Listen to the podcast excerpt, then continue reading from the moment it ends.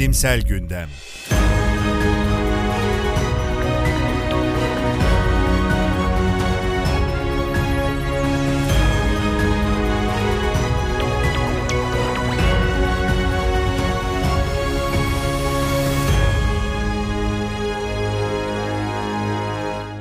Abdi İbrahim'in hazırladığı Bilimsel Gündem'in 8. sayısına hoş geldiniz.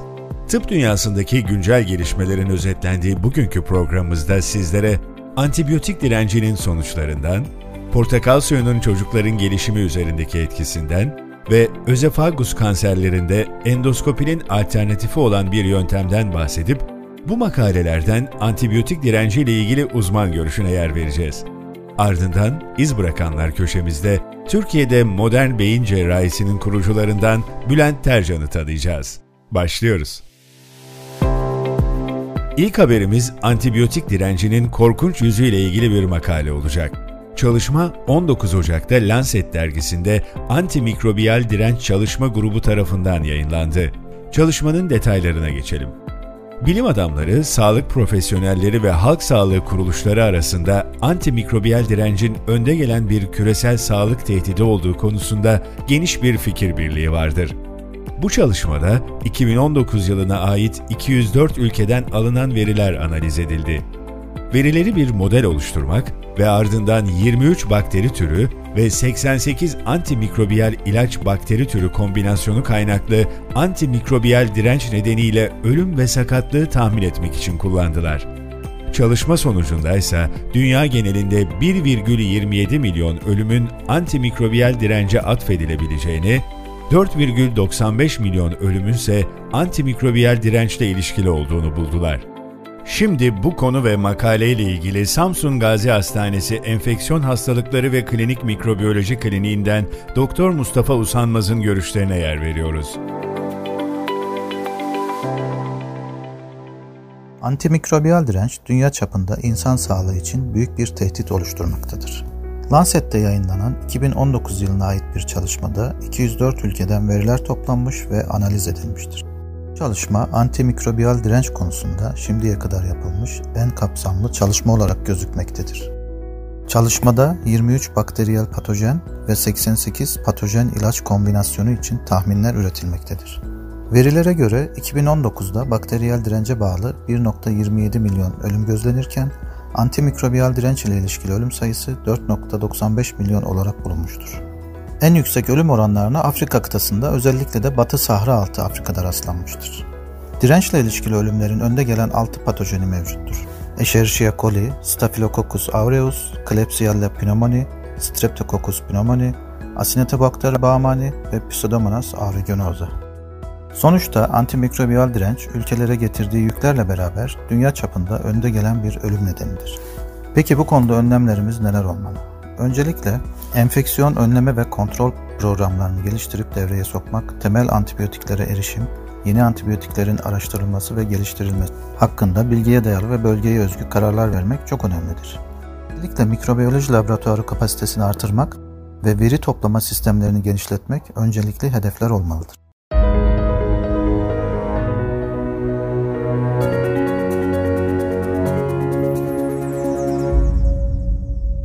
Şimdi gündemin diğer haberine geçelim. Günlük hayatımızda sıkça tükettiğimiz portakal suyu ile ilgili. Acaba çocukların portakal suyu tüketmeleri gelişimlerine katkı sağlıyor mu? Bu sorunun cevabını bulmak için Public Health Nutrition dergisinin 24. sayısında yayınlanan çalışmaya bakalım. Amerika Birleşik Devletleri'nde yapılan ve 7301 çocuğun katıldığı bir araştırmada portakal suyu tüketiminin antropometrik parametrelerle ilgisi araştırıldı. 9-16 yaş aralığındaki çocuklarda 2 yıl boyunca yapılan beden kitle endeksi ve yaşa bağlı ağırlık skoru değişimleri değerlendirildi. Çalışma sonucuna göre portakal suyu tüketimi boy uzamasıyla olumlu bir şekilde ilişkilendirildi ancak aşırı kilo alımıyla ilgisizdi.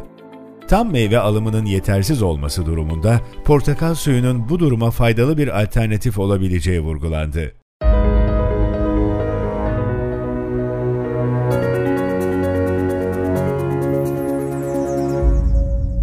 Bu haftanın iz bırakanlar köşesinden önce son haberimize geçelim.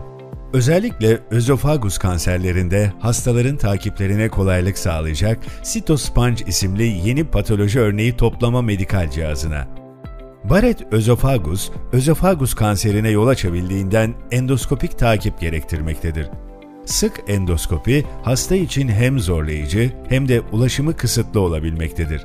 Bu nedenle araştırmacılar Cytosponge ismini verdikleri bir yöntem geliştirdiler. Yöntemin detayları yayınlanan bir makalede paylaşıldı. Bir ip bağlı, küçük, kapsül şekilli bu cihazın yutulduktan sonra midede kapsülün erimesiyle içindeki sünger ortaya çıkmaktadır. Dikkatle ipinden geri çekilerek özofagus boyunca hücrelerin toplanması sağlanmaktadır. Sonuçta hücrelerin patolojik incelemesiyle yüksek riskli hastalar tespit edilerek endoskopi planlandı, risksiz değerlendirilen hastalara da gereksiz endoskopi yapılmasının bu sayede önüne geçildiği belirtildi.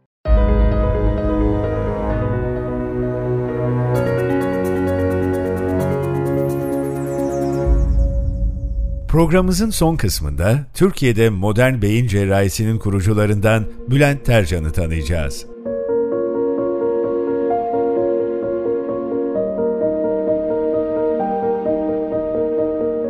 Merhaba, ben Bülent Tarcan. Birinci Dünya Savaşı'nın ilk ayında İstanbul'da doğdum.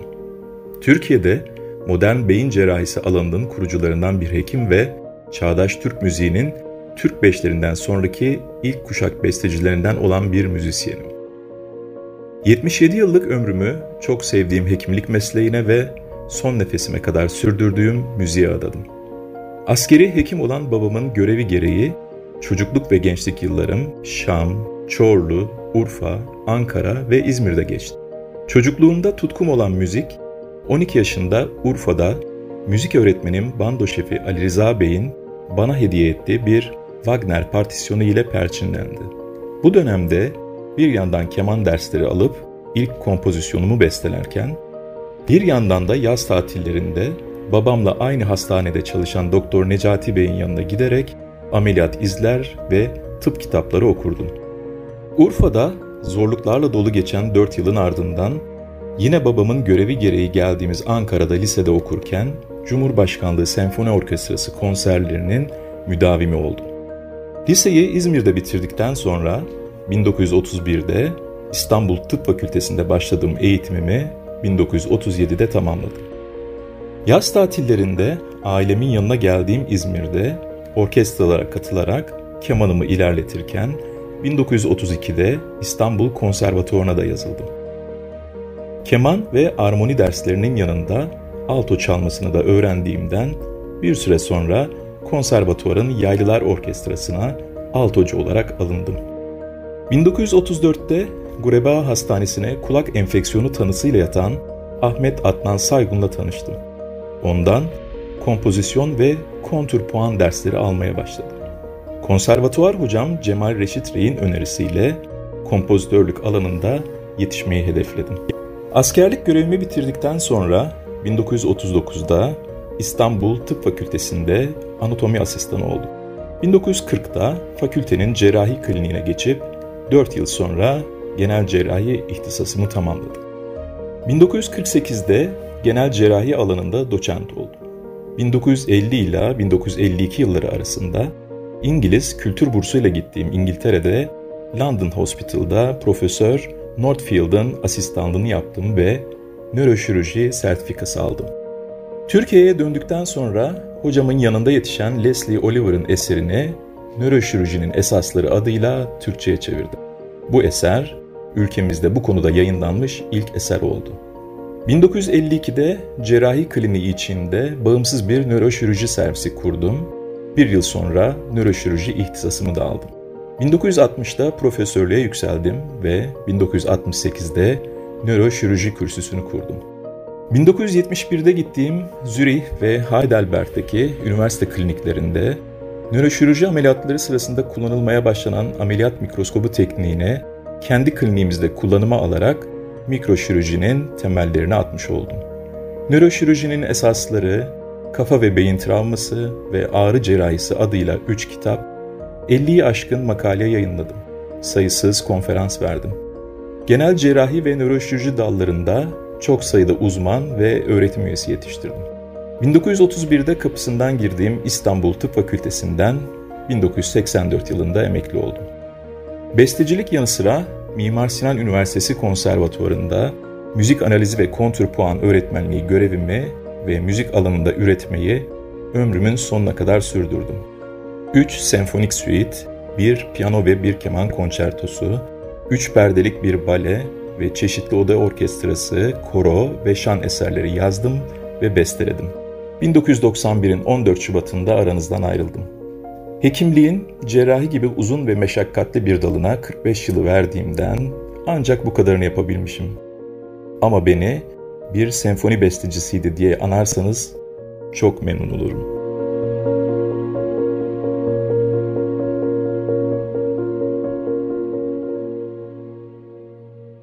Bugünkü programımızın böylece sonuna geldik. 15 gün sonra yeni bilimsel gelişmeleri paylaşacağımız programımızda görüşmek üzere. Bizleri Spotify ve YouTube resmi hesaplarımızdan takip edebilir, abone olarak yeni sayılar yayınlandığında bildirim alabilirsiniz.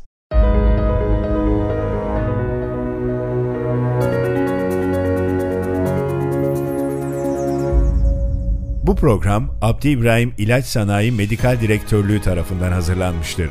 Programda bahsi geçen makaleler ve yorumlar Abdi İbrahim İlaç AŞ'nin görüşünü yansıtmamaktadır. Yayınlanmış bilimsel makalelere atıf yapılmıştır. Detaylı bilgiye www.abdiibrahim.com.tr adresinden ulaşabilirsiniz.